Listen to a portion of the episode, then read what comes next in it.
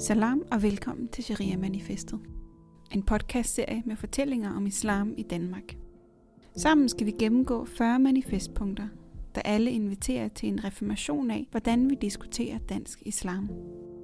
Vi er tre værter, der guider dig igennem de 40 manifestpunkter. Navid Bæk, Kasper Mathisen og jeg hedder Sofie Claus Erdar. Og hvis du leder efter podcasten, der tager alle de farlige og tabuiserede emner om islam op, så er du kommet til et rette sted. Samtalen er for muslimer og alle andre interesserede, der vil være en del af at undersøge, hvad muslimers rolle i Danmark i dag er, og hvilken rolle islam og muslimer skal spille i fremtiden. Vi søger ikke entydige svar, men vi inviterer til en åben debat og til en nytænkning.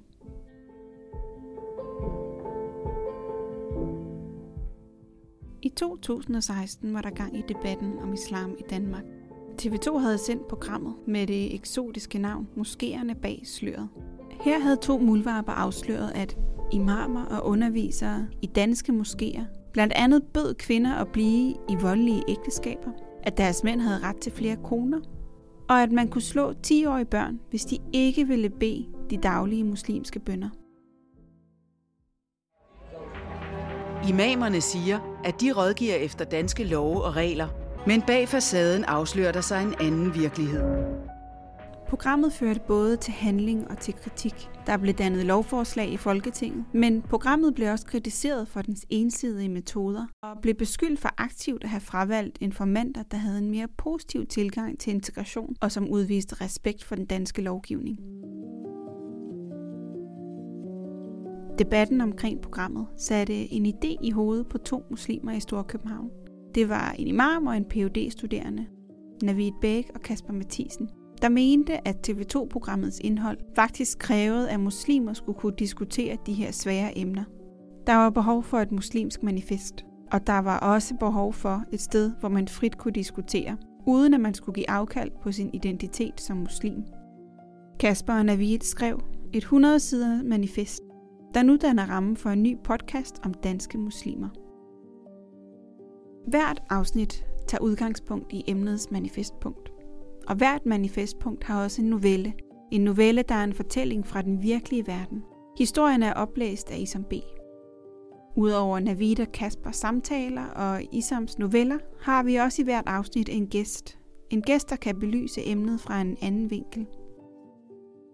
Dagens gæst er Martin Krasnik og i kommende afsnit skal vi snakke med Umid Safi, Kasper Støvring, Sager al Louise Lund Lipmann og mange andre.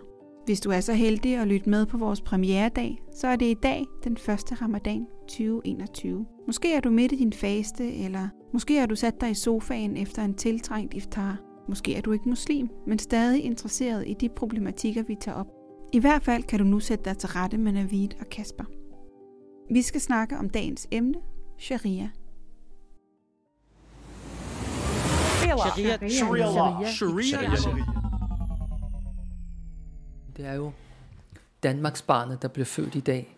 Det er Sharia-manifestet. Og første punkt omhandler Sharia. Og vores bud på Sharia i Danmark. Og hvordan den forstås. Meget, meget omdiskuteret emne. Følsomt emne. Det emne, som bringer sindene i kog. Men også en praksis, som giver danske muslimer fred i sjælen. Navid Bæk er imam ved Rigshospitalet og phd studerende ved Oslo Universitet. Navid er kendt fra dokumentaren på DR om hans åndelige omsorgsarbejde på Rigshospitalet. Og han har været godt og grundigt igennem debatkogegryden, da han var ude og sige, at man godt kan være homoseksuel og muslim på samme tid. Navid har også i de sidste 10 år arbejdet med dialogarbejde mellem verdens religioner. Og så besidder Navid en kæmpe stor teologisk viden som han formidler med sit rolige og blide gemyt. Sharia-begrebet hænger og svæver i luften.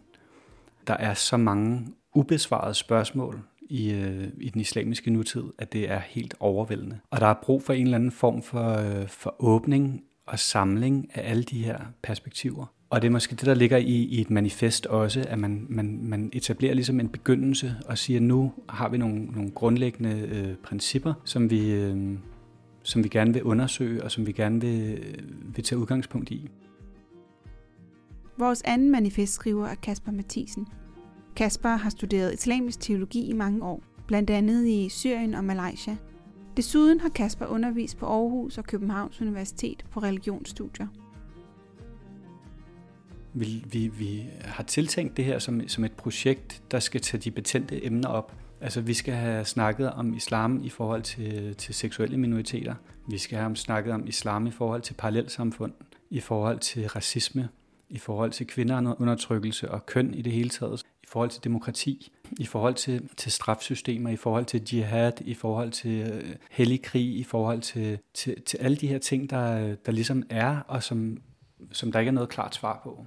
Altså jeg synes, det, det er vigtigt, at vi får tør at få, at få åbnet på de her emner og kigget kritisk på dem. Noget andet, det er sådan noget som, som øh, at vi lever som minoritet. Muslimer lever som minoritet i Vesten. Vi er ikke en, en, en majoritetsreligion. Så hvad betyder det, at vi, vi er en minoritet? Synes du, det er for meget kasser ud i med vores manifest? Mm, nej, altså jeg synes, præmissen for, for manifestet er ikke, at vi skal, skal finde det, det endelige svar omkring alle de her ting. Præmissen er, at vi skal undersøge og åbne og, og, og ligesom øh, få skabt en, en debat på nogle andre præmisser. Også at vi skal have, være sårbare, og vi skal have, have paraderne lidt ned, og, øh, som muslimer og som, som os to personligt. Så det er præmissen, og på den måde, så synes jeg, det er et, et meget, meget ambitiøst projekt, men jeg synes ikke, det er urealistisk. Alle, som har interesse for, for islam og muslimer i Danmark, kan jo lytte, kan bidrage, kan, kan fortsætte den her dialog, som vi gerne vil have med, med manifestet. Vi kommer ikke med nogle, nogle løsninger. Det er jo ikke et normativt projekt. Det er jo ikke et teologisk projekt heller. Øh, det er et projekt, hvor vi prøver at inddrage de forskellige vinkler. Også de teologiske, sociologiske, antropologiske vinkler, men, men helt den der, den levede religion, den levede islam i Danmark, som er vores interesse her. Øhm, og derfor så henvender sig til primært til, til muslimer, men, men selvfølgelig også til alle andre, som har interesse i at lære, hvad islam er, og hvad er det for nogle dilemmaer, muslimer de gennemgår i, i deres liv i et land som, som Danmark.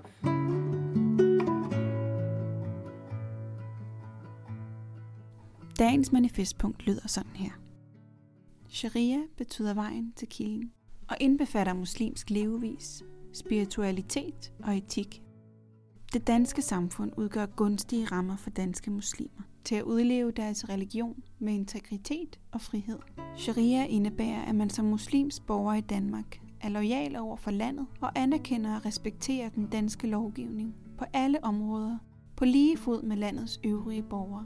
Muslimer, der bedrager eller underminerer samfundet, efterlever således ikke sharia.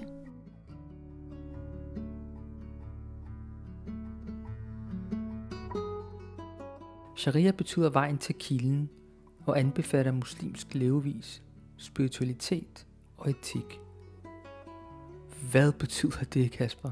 Sharia, det er jo en af de der begreber, som, øh, som virkelig har en negativ klang i, øh, i en dansk kontekst, og måske i en vestlig kontekst, og som, som jeg personligt mener er et rigtig godt sted at starte vores øh, sharia-manifest. Sprogmæssigt betyder det vejen til kilden. Det er den muslimske levevis, og den vej, der fører til øh, vores egen lykke og tilbage til Allah i virkeligheden. Og, og derfor er det så centralt. Uden, uden den er der ikke øh, rigtig noget islam.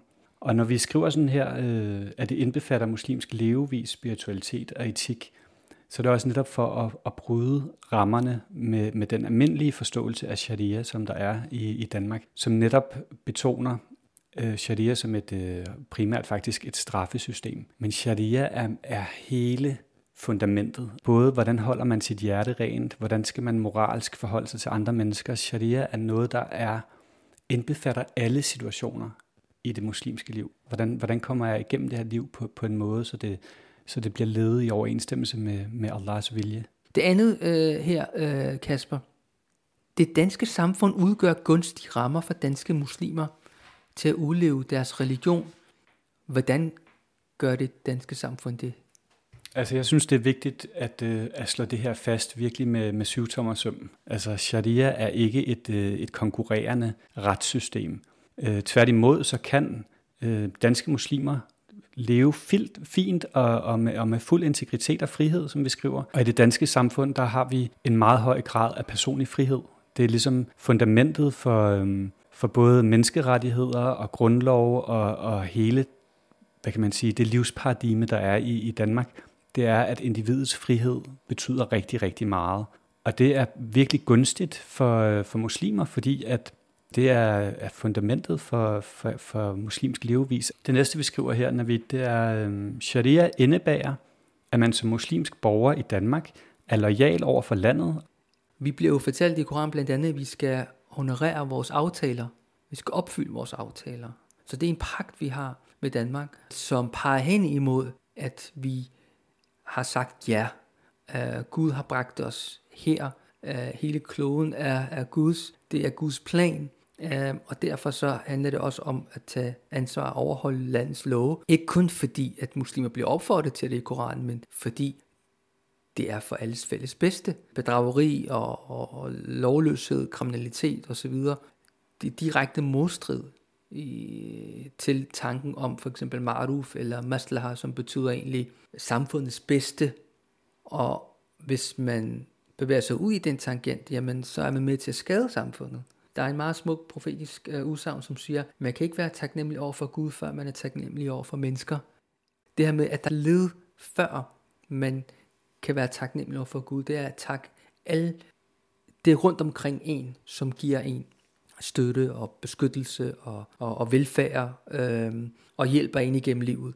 Vel at mærke, at det i sidste ende er Gud, som, som giver en alt. Hvorfor er der behov for at lave den her understregning? Hver gang vi laver noget, som er ulovligt i, i, i samfundet, som er kriminelt, så forgriber vi også ikke kun på os selv, men også på vores religion og vores værdier som muslimer. At det er i modstrid med vores religion at bedrage samfundet, selvom det er en ikke-muslimsk samfund. Fordi der er nogle grundlæggende værdier, som man ikke kan gå på kompromis med, som rækker langt ud over landgrænser, etnicitet og, og religion. Da vi sad og forberedte os på det her afsnit, og snakkede om, hvem vores første gæst skulle være, så faldt vores tanker hurtigt hen på ham, vi skal snakke med nu. Vi har inviteret Martin Krasning til at være med, fordi han som vært på Deadline har været med til at forme debatten om muslimer i Danmark. Gennem nullerne stod han for interviews med nøglepersoner fra islam i Danmark-debatten. Og de sidste par år har han fungeret som chefredaktør på Weekendavisen. Fordi det her er vores første program, er vores interview med Martin Krasnik lidt mere almen, og i de følgende afsnit vil interviewsene være mere afgrænset af emnet bander altid for meget, men det kan man jo altid. Nå, okay, jeg prøver at tage mig sammen. Ja, ja, jeg, jeg, jeg kommer altid til. Ja. Tusind tak, Martin Krasnik, fordi vi var mm, være her hos dig her i dag. Og vi vil gerne stille dig tre spørgsmål. Det første spørgsmål, det er, hvilken udfordringer står islam og muslimer overfor i Danmark i dag? Ja. ja.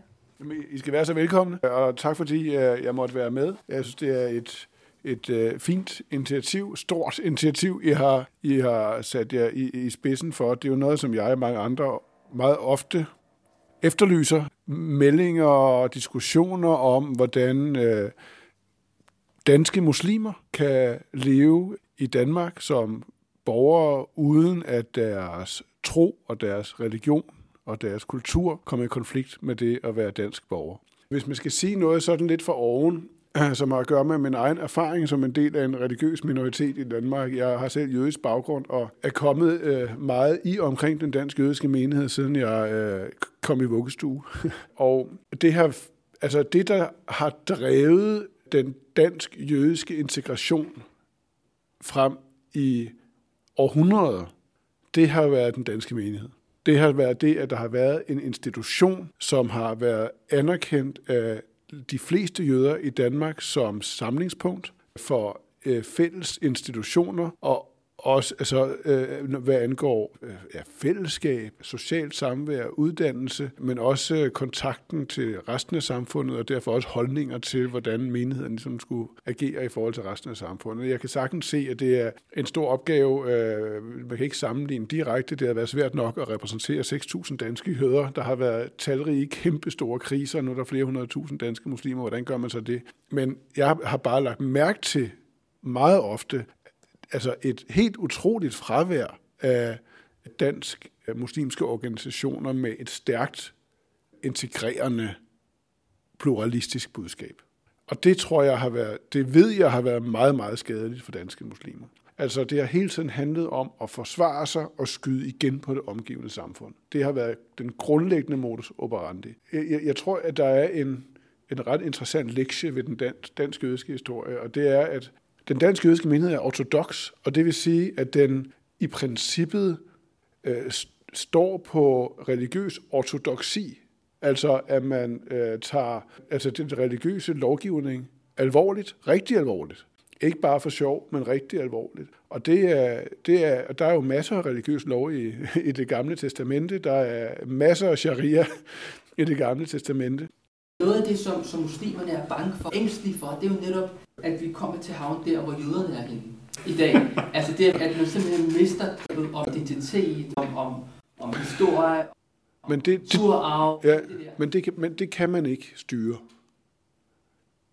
Altså forandringerne sker så hurtigt, at man kun kan have nogle meget klare pejlemærker, som handler om, hvordan man selv, hvad man selv synes er vigtigt, positivt vigtigt. Og det er derfor, jeg igen understreger sproget som fuldstændig afgørende. For at forstå, hvad, hvad er det, det handler om? Hvad, og hvad er det egentlig, det vil sige at være dansk? Og hvis man kæmper enormt meget imod ved at insistere på, at der er de her forskellige regler, der skal og traditioner skal overholdes, ellers så får man assimilering. Så får man altså nogle konflikter, både med det omgivende samfund og med med sine egne børn og børnebørn, som er meget voldsomme. Meget, meget voldsomme. Hvordan, hvordan oplever du det her um, generationsforskydning af, af normerne og jødisk identitet? Altså, er der også den her fornemmelse af, at jamen, jeg er ved at miste noget, som, som var ret vigtigt, og jeg ikke kan give videre? Det er et meget godt spørgsmål. Og det er der institutionerne kommer ind igen. Fordi man kan ikke gøre det helt alene. Uh, altså, jeg har en del børn, og de ældste af dem, de har ikke gået i en jødisk øh, skole, børnehave eller skole, og de, er, øh, og de er, føler sig meget som jøder og identificerer sig meget som jøder, men, men, de har, øh, men der, er mange, øh, der er meget i det sådan, jødiske kulturelt religiøse katalog, som de slet ikke har. Altså, man må sige om dem, at de er assimileret. Altså, de, øh, der er masser af ting, som er naturligt, var naturligt for mig, som slet ikke er naturligt for dem. Og det er ritualerne, det er religionen, det er det, det, det, den del af shariaen, som giver virkelig god mening for mig, som handler om øh, historie og identitet og, og om altså, fællesskab. Ikke? For, når man siger noget, så er det genkendeligt for jøder i hele verden. Ikke? Altså det fællesskab. Mine yngste børn, de lige startede i, en jødisk, i den jødiske børnehave. Og der kan man bare se, at der går jo simpelthen 20 minutter, og så har de en, altså en hel verden, et helt univers med sig hjem hver, hver, hver dag fra, fra børnehave. Altså de kommer hjem også og synger religiøse sange om, øh, om, om Gud, der kommer og hjælper os, og de synger øh, bordbøn på hebraisk hver dag. De aner ikke, hvad det betyder, men de, de, hver dag takker de Gud for, for at have givet os verden og maden og alt sådan noget. Ikke? Der er jo intet ved alt det her, der gør det sværere for mine børn at blive integreret. Overhovedet. Altså dem, der går i jødisk skole, børnehaveskole og ja, overhovedet ikke. De kommer bare til at have en enormt stærk jødisk identitet med en masse kultur og historier og religiøs, religiøse afskygninger. Ikke? Så, altså der, der er ingen der er overhovedet ikke nogen modsætning mellem, at man indadtil kan have noget, der for danskerne vil forekomme stærkt religiøst og fuldstændig sovset ind i sharia. og så samtidig altså børn, unge mennesker, som kan føle sig fuldstændig som en del af det danske. Det kræver bare nogle institutioner, der kan rumme det simpelthen. Rumme begge dele. Bare, siger jeg igen. Det har taget jøderne i Danmark mange, mange hundrede år at lære og den balance. Ikke? Ja. Men tak, vi kan rigtig godt lide den der dybe og ærlige Martin. Ja, godt. Øh, men nu trækker vi os lige til, til, til aktørrollen, chefaktørrollen. Ja. Øh, hvordan oplever du mediedebatten i forhold til islam og muslimer ja. i Danmark i, i dag? Ja. Øh, altså, Hvor er vi henne? Altså, har vi rykket os? Det kunne man også sige. At vi har rykket os meget.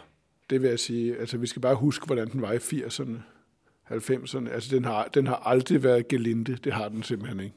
Men jeg vil sige, at det er jo blevet, først og fremmest, at det jo igen den danske muslimers skyld og ansvar for tjeneste, at det er blevet en, en, en meget mere nuanceret diskussion, fordi der er kommet så mange stemmer i debatten, at man jo fra dem, der har lyst og tilbøjelighed til, tilbøjelighed til det, ikke længere kan sige, at muslimerne er sådan, og islam er sådan. Altså, der er jo kommet en mangfoldighed til på utrolig få år, som er helt øh, fantastisk. Og altså, man kan næsten ikke tro, hvor hurtigt det er gået. Er det i virkeligheden 10 år? At, at, at, altså, at man gik fra 0 til 1000, ikke? stemmer. Det er jo virkelig, og, og, og det er jo øh, mennesker, der mener alt muligt. Det er religiøse, og det er ikke religiøse, det er kulturmuslimer, og, det er, altså, og der er masser af intern ballade. Det er også enormt vigtigt at kunne vise, at man kan slås så hæftigt indbyrdes også. Ikke? Så på den, det er det, det vil jeg sige, det er afgørende. Øh, der, der er debatten blevet meget, meget bedre. Men samtidig forstår jeg godt, at der er mange muslimer, der er træt af det. Altså virkelig er træt af de generaliseringer, der trods alt stadig er. Og det had, som særligt dukker op på sociale medier, eller ikke bare dukker op, flyder igennem sociale medier over for, for muslimer. Det må være frygteligt.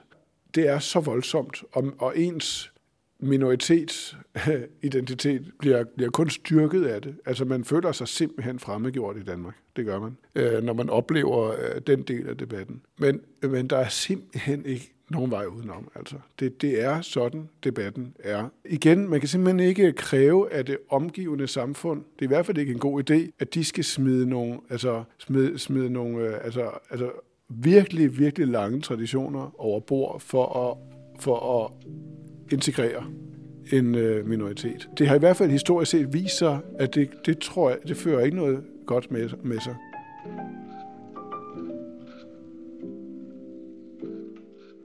Man kan sige, at Martin Krasnik i interviewet har haft tre pointer. Det første er, at han mener, at muslimer ikke skal være så defensive i deres kommunikation med det brede samfund. Og så mener han, at man ligesom de jødiske institutioner skal gå efter at få opbygget nogle stærke og repræsentative muslimske institutioner. Og så er jeg ret vild med hans interessante spændingsfelt, hvor en religiøs minoritet gennem bibeholdelse og respekt for religiøse love kan arbejde mere målrettet for integration af borgere. Det var i hvert fald ikke den pointe, jeg havde forventet, at Martin Krasnik ville komme med. At de religiøse love, at sharia, faktisk kan være vejen til vores integration.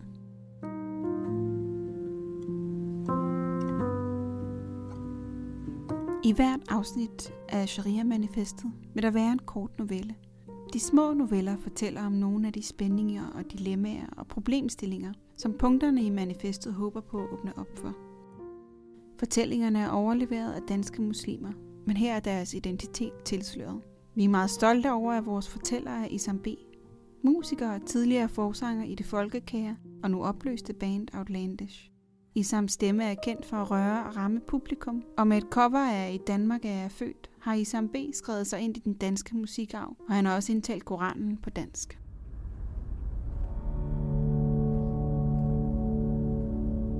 Islam og Sharia Emma låser stille døren til sit værelse. I kommunens nederste skuffe finder hun sit bedetæppe og sit blå tørklæde frem.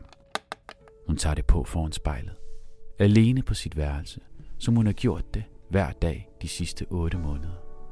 Det er bælragende mørkt uden for huset. Træerne og markerne, der omgiver huset, ligger øde hen som sorte skygger. Emmas forældre ved ikke, at hun er blevet muslim.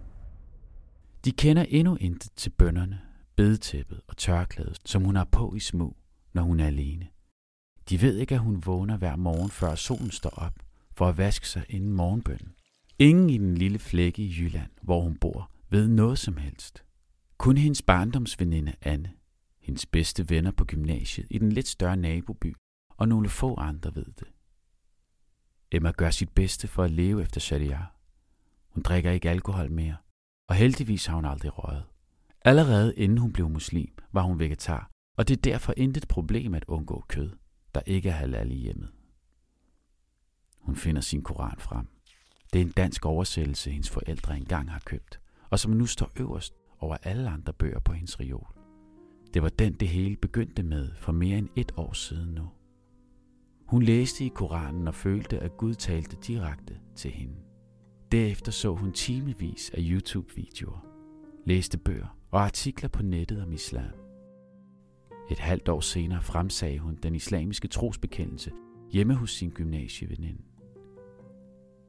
Emma læser koranversene om at faste i ramadan måned, som starter om en måneds tid. Hun løfter blikket fra bogen og kigger på sig selv i spejlet. Det er hendes første ramadan, og hun er spændt på, om hun kan klare det. Ingen mad og drikke fra daggry til solnedgang. Ingen løgne, bagtagelse, vredesudbrud. Hvordan skal hun komme igennem ramadan, uden at hendes forældre opdager det? Måske er det på tide at fortælle dem, at hun er blevet muslim.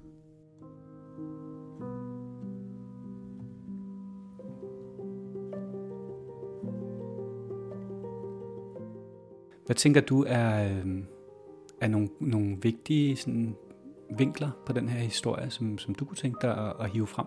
Uh, en af de ting, som slår mig, det er, at, at islam er en, en personlig sag, og man behøver ikke at fortælle hele verden om, om ens egen personlige øh, tro og religion. Men igen, nogle gange, så er det jo svært at skjule. Det, man elsker, det, det er bare svært at skjule. Og det, det vi ser hjemme, det er jo netop det er hendes trang til den personlige fordybelse, øh, og at kunne og ville tale med, med Gud. Det tror jeg er også et godt eksempel for, for mange danske muslimer, som ønsker at, at, at leve i, i Danmark med, med, med den religionsfrihed, som du var inde på, Kasper, tidligere, hvor man har mulighed for at faste og at bede, tage til moskeen og læse Koranen med, med videre. Og jeg synes, hun øh, illustrerer både den her, øh, den her, hvad kan man sige, øh, følsomhed, der også er omkring spiritualitet og religiøsitet, at det er ikke noget, man skilter med. Det er ikke noget, man, man nødvendigvis er interesseret i, at hele verden skal høre fra dag et. Det, det er en udviklingsproces. Hun er stadig i sit første år af islam, men er stadig ikke parat til at fortælle selv sine forældre, som er dem, der er allermest tæt på, på hende. Og så tror jeg, det er mange, der har det. Altså, jeg havde det også sådan i starten. Fortalte heller ikke mine forældre det i, jeg kan ikke huske hvor lang tid, men tror faktisk lidt ligesom Emma her, et, et halvt til et helt år. Og heller ikke mine venner og så kom det sådan stille og roligt, at nu synes jeg, at jeg var tryg nok i det, og, og havde fundet en ro i det øh, nok til, at jeg ville øh, ligesom fortælle det til folk. Og det er et følsomt emne at, at begynde at leve religiøst. Det er det for, for alle. Ligegyldigt hvilken øh, religion det er, du følger, og ligegyldigt hvilken baggrund du har. Fordi det er altid noget, der kræver en forandring. Og, og alle forandringer, det er noget, som dine øh, omgivelser og de personer, der er i din, din hverdag, de lægger mærke til det, og så vil, det, så vil du på en eller anden måde skulle, skulle forklare det og forsvare det. Jeg kender så mange øh, muslimer med etnisk dansk baggrund, som, er, som, som har sådan en historie her. Altså at man har fundet islam, og man føler, at man har fundet en nål i en høstak. Og det er noget meget øh, intimt, og noget meget personligt, og noget meget øh, ekstraordinært. Og øh, jeg kender også folk, som har levet et halvt liv, og deres, deres omgangskreds ved ikke, de er muslimer. Deres kolleger på arbejdet, som de sidder og spiser frokost med, i, i, har siddet og spist frokost med de sidste 8-10 år, ved ikke, de er muslimer. Så det er noget, man kan leve meget diskret eller meget, meget højt råbende.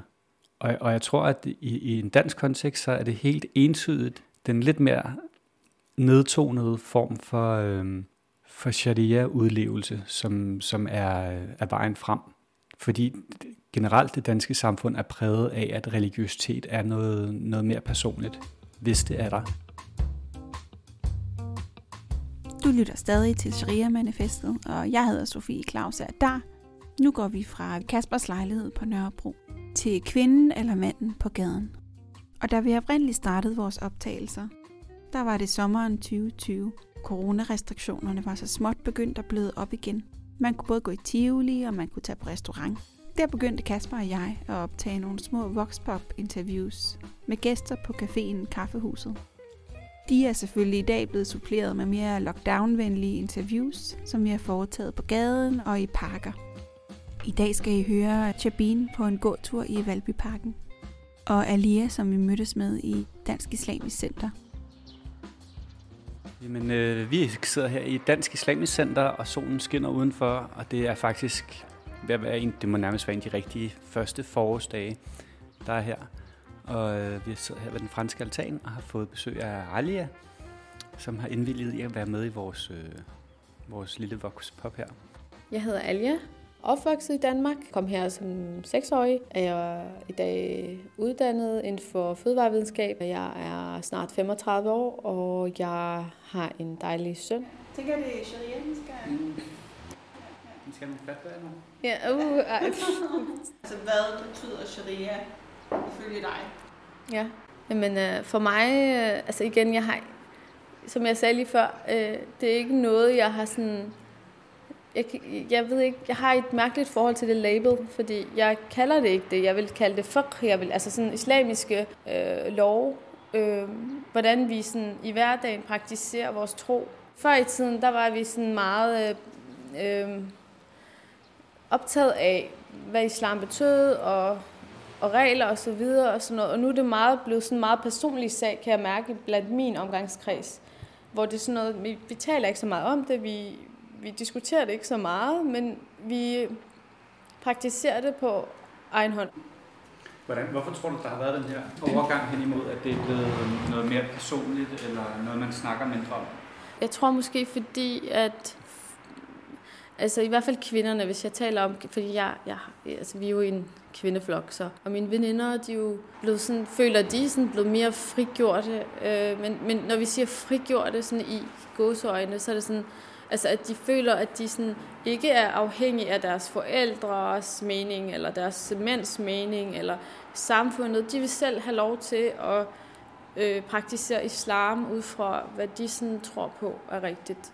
Øh, og det synes jeg faktisk er en sund tilgang, fordi selvfølgelig skal man, personligt mener jeg, at man også skal sådan ty til, hvis man, der er nogle ting, man ikke ved. Fordi det, der også er problematisk, det er, at man kan sidde og sige, jamen i Koranen står der ikke det, så gør vi ikke det. Men, men det er jo ikke kun Koranen, vi følger. Når vi, når vi for eksempel beder, så går vi jo også hen og ser på sunnah.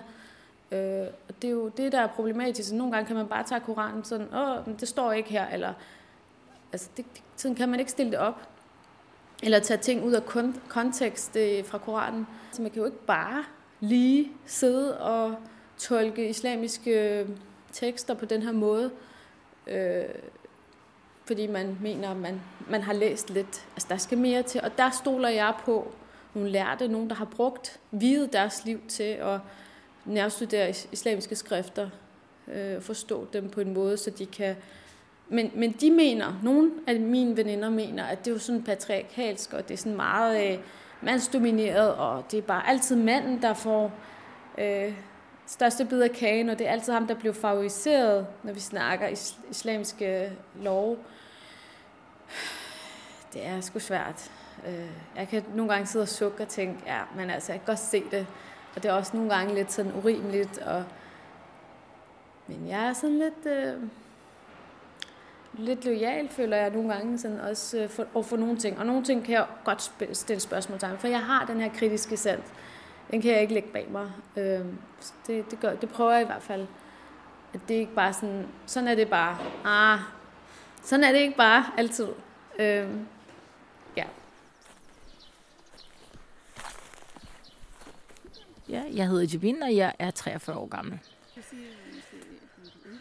Jamen, jeg er uddannet øh, eksportingeniør og har været igennem nogle sygdomme, så jeg er flexjobber lige nu og ledig lige i øjeblikket. Det er det, jeg er lige nu, og mor til tre og kone til en. Nu går vi videre til sharia. Mm. Hvordan vil du beskrive begrebet sharia? Det er, for mig er sharia, det er lovgivningen, øh, måden vi skal behandle tingene på øh, i forhold til Koranen og sunnah. Det er sharia for mig. Øh, sharia i Europa er nok blevet meget mere med, hvor der kun er fokus på stening og piskning. Øh, og derfor, så, som du også selv sagde lige før, at det er et misforstået koncept fuldstændig.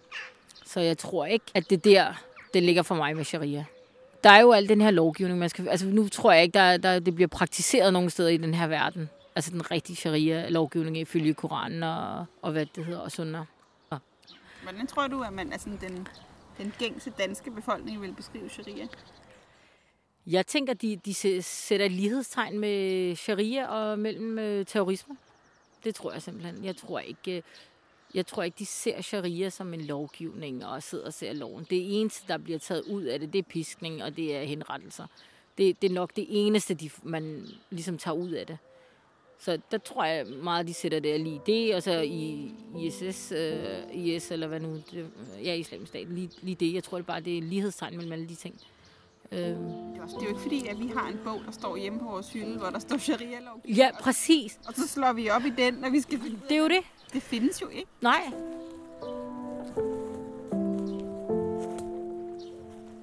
Nu vender vi tilbage til Kasper og Navids samtale, hvor jeg også blander mig lidt.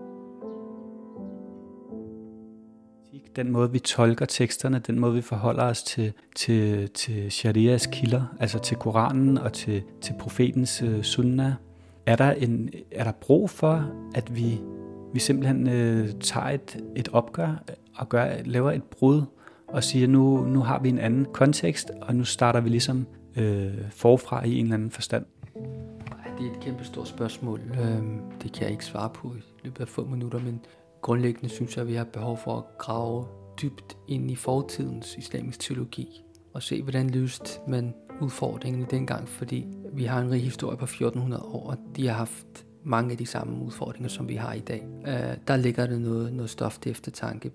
Der tænker jeg, der, hvorfor bruger vi ikke det dybe teologiske kompendium, om man vil, som vi har allerede, og prøve at finde de perler frem, som taler til, til nutiden, i stedet for at holde fast i nogle, nogle billeder og nogle fortællinger og nogle fortolkninger, som, som er blevet mainstream øh, og mainstreamet igennem, igennem tiden. Jeg tror nok, vi har, vi har behov for en, en reformation, som er baseret grundigt i islamisk teologi, så vi vender det hele om og drejer. Det er de samme ingredienser, men vi skal bare have fundet en, en, en ny øh, hvad kan man sige, måde at, at lave kagen på. Mange vil lidt måske at, at snakke om, øh, at sharia også bliver lidt set som synonym med stening. Går du ind for stening, når du går ind for sharia, eller går du ind for et kvindefrigørelse, hvis du også går ind for sharia? Skal, politisk bliver det brugt sådan. Mm. mm. Også noget med ved, dødstraf for folk, der vender sig bort fra islam, ikke? Og sådan noget ja. det.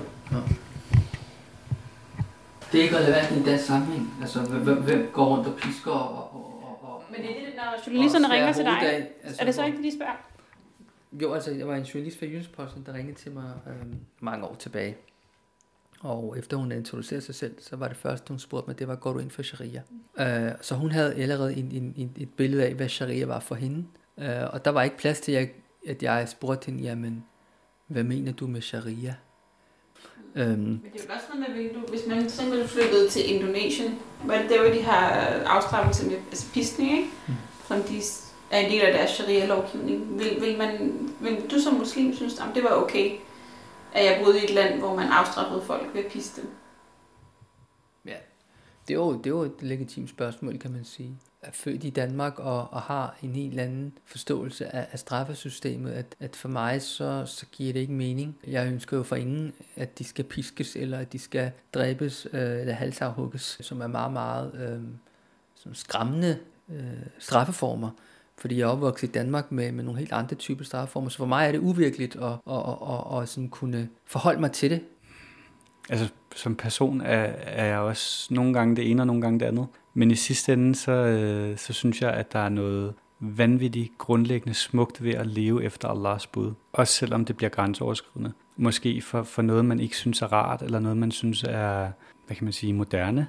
Og, og den her hårdhed og den her konsekvens, har jeg et, det lyder åndssvagt, men et blødt hjerte for. Altså jeg kan godt, jeg kan godt, jeg kan godt se den for mig, og jeg kan også godt se, at der hvor det, livet virkelig rykker, det er også, når man laver nogle svære ting. På den anden side, så er jeg også bare mig og er vokset op med det her, og Kasper for Slangerup, Kasper for Slangerup som slet ikke kunne forestille sig nogensinde at øh, hverken stene eller piske nogen, med mindre, eller være vidne til, eller være vidne til det, eller, eller støtte op om det. Hvad tænker du, Sofie? Det er ja. dig, der skal piske sig, Stine. Det er mig, der skal piske sig, Stine. Som muslim rent etisk, så får vi jo også uh, ligesom boret ind i vores hoved, at vi skal være barmhjertige, og vi skal have medfølelse. Så hvornår er det, at den der barmhjertighed, hvornår bliver den trumfet? Og, og også måske lever vi måske i en tid, hvor den form for afstraffelse ikke er relevant mere. Måske var den relevant i et samfund, hvor man måske ikke havde så stærk et retssystem, som vi har i Danmark for eksempel. Jeg synes, det, det er virkelig øh, sådan lidt ind til benet af det, det du siger. Altså, hvis man går ind og kigger på det også historisk, altså fængslerne har deres egen historie, straffeformerne har deres egen historie, retssystemerne har deres egen historie, og, og islam og sharia er åbenbart i det, i det 7. århundrede. Det er der, det ligesom trådte ind i verden. I slutningen af Romeriet, og i slutningen af, eller midt i jernalderen. Altså, vi er har ligesom krydset nogle kapitler i bogen siden, på den ene eller den anden måde. Og, og det skal selvfølgelig også tænkes ind. Den primære måde, man, man ligesom tænker straf i dag, det er, det er rehabilitering. Man skal have en plads til at forbedre sig og, og komme videre. Den vision ser jeg egentlig ligge i, i Koranen også. Pointen er ligesom, at, at folk skal, skal rette op på deres, på deres overtrædelser. Både når det er overtrædelser over for andre, men også når det er overtrædelser over for Gud. Hvis du sidder og bliver berøvet 15 procent af dit liv, eller 10 procent af dit liv, eller hvor meget det nu er, det, det er, hvis du sidder i fængsel to år eller, eller tre år. Og det er jo ikke kun dig, der bliver straffet. Det er din omgivelse, det er din familie, dine børn, din kone, dine forældre. Alle bliver straffet. Er det, er det mere noget? Jeg tænker på, jeg kommer til at tænke på Le Miserable. Med, hvad hedder han? Uh, Jean... Jean Valjean? Ja, præcis. Han, han, han, han er jo ligesom, der er jo den her historie med, han er jo drevet, han er jo fuldstændig i armod, og han kan ikke, øh, han kan ikke øh, komme igennem dagen og vejen, og hans søster ligger og sulter, og så stjæler han et brød, og det kan han aldrig slippe af med. Mm. Skulle han så hellere have fået hugget hånden af? Altså, det er jo det, altså vores, vores handlinger for, for, forfølger os, og vores synder kommer tilbage i alle mulige andre former, og, og rammer os, og... Øh, på nogle måder, så tænker jeg, at der ligger også en nådighed, at du, nu har du taget din straf, og så er du videre. Altså hvis du ikke kan komme videre fra dine fejl, og for, verden ikke kan tilgive dig, så er du fanget i det, ligesom du sidder og siger med Les Miserable. Det bringer også tilbage til en diskussion om samfundet. Fordi samfund og, og lovgivning, det hænger jo sammen. og strafferetten hænger sammen med vores moral og, og, og med de muligheder, vi har i livet.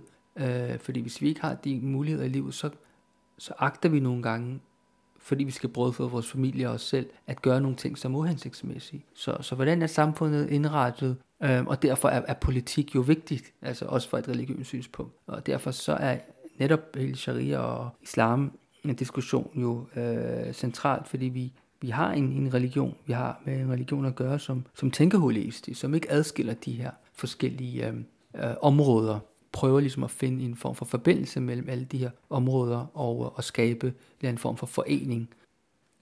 Altså det er også det, der er ligesom, nu sidder vi jo her som muslimer og, og har en stor kærlighed til, til åbenbaringen og til profeten, al-Islam, wassalam, til Allah selvfølgelig. Og, øhm, og den her kærlighed skal jo også komme til udtryk. Og altså, der hvor jeg ser islam havende, som, som, øh, der hvor jeg ser, islam har noget, noget helt centralt også til nutiden, det er netop i den her øh, sammenbinding af det hele.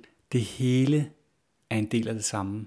Vores handlinger er en del af efterlivet. Vores nutid er en del af fremtiden. Vores fortid er en del af nutiden.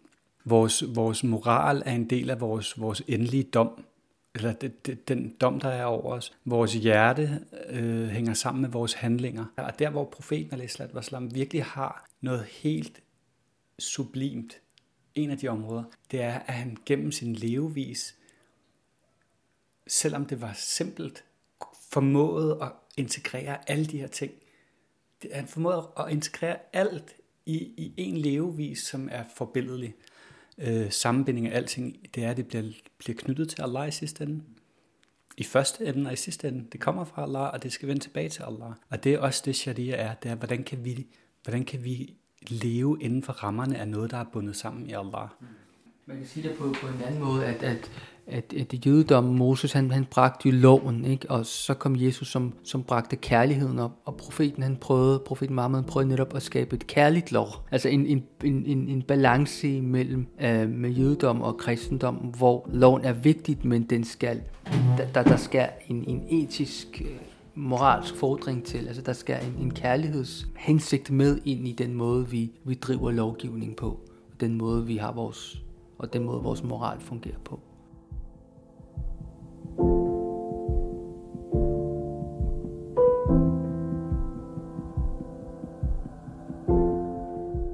Vi siger tak, fordi I har lyttet med. Næste gang kan I glæde jer til at høre afsnittet om parallelsamfund.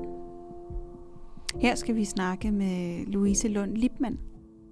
Louise var med til at skrive den rapport, der blev bandlyst af Mathias Tesfaye.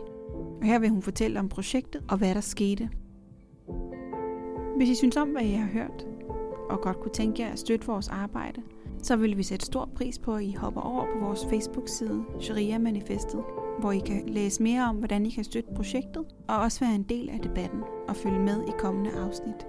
Vi ønsker alle muslimer og ikke-muslimer en velsignet ramadan og et dejligt forår. Salam alaikum.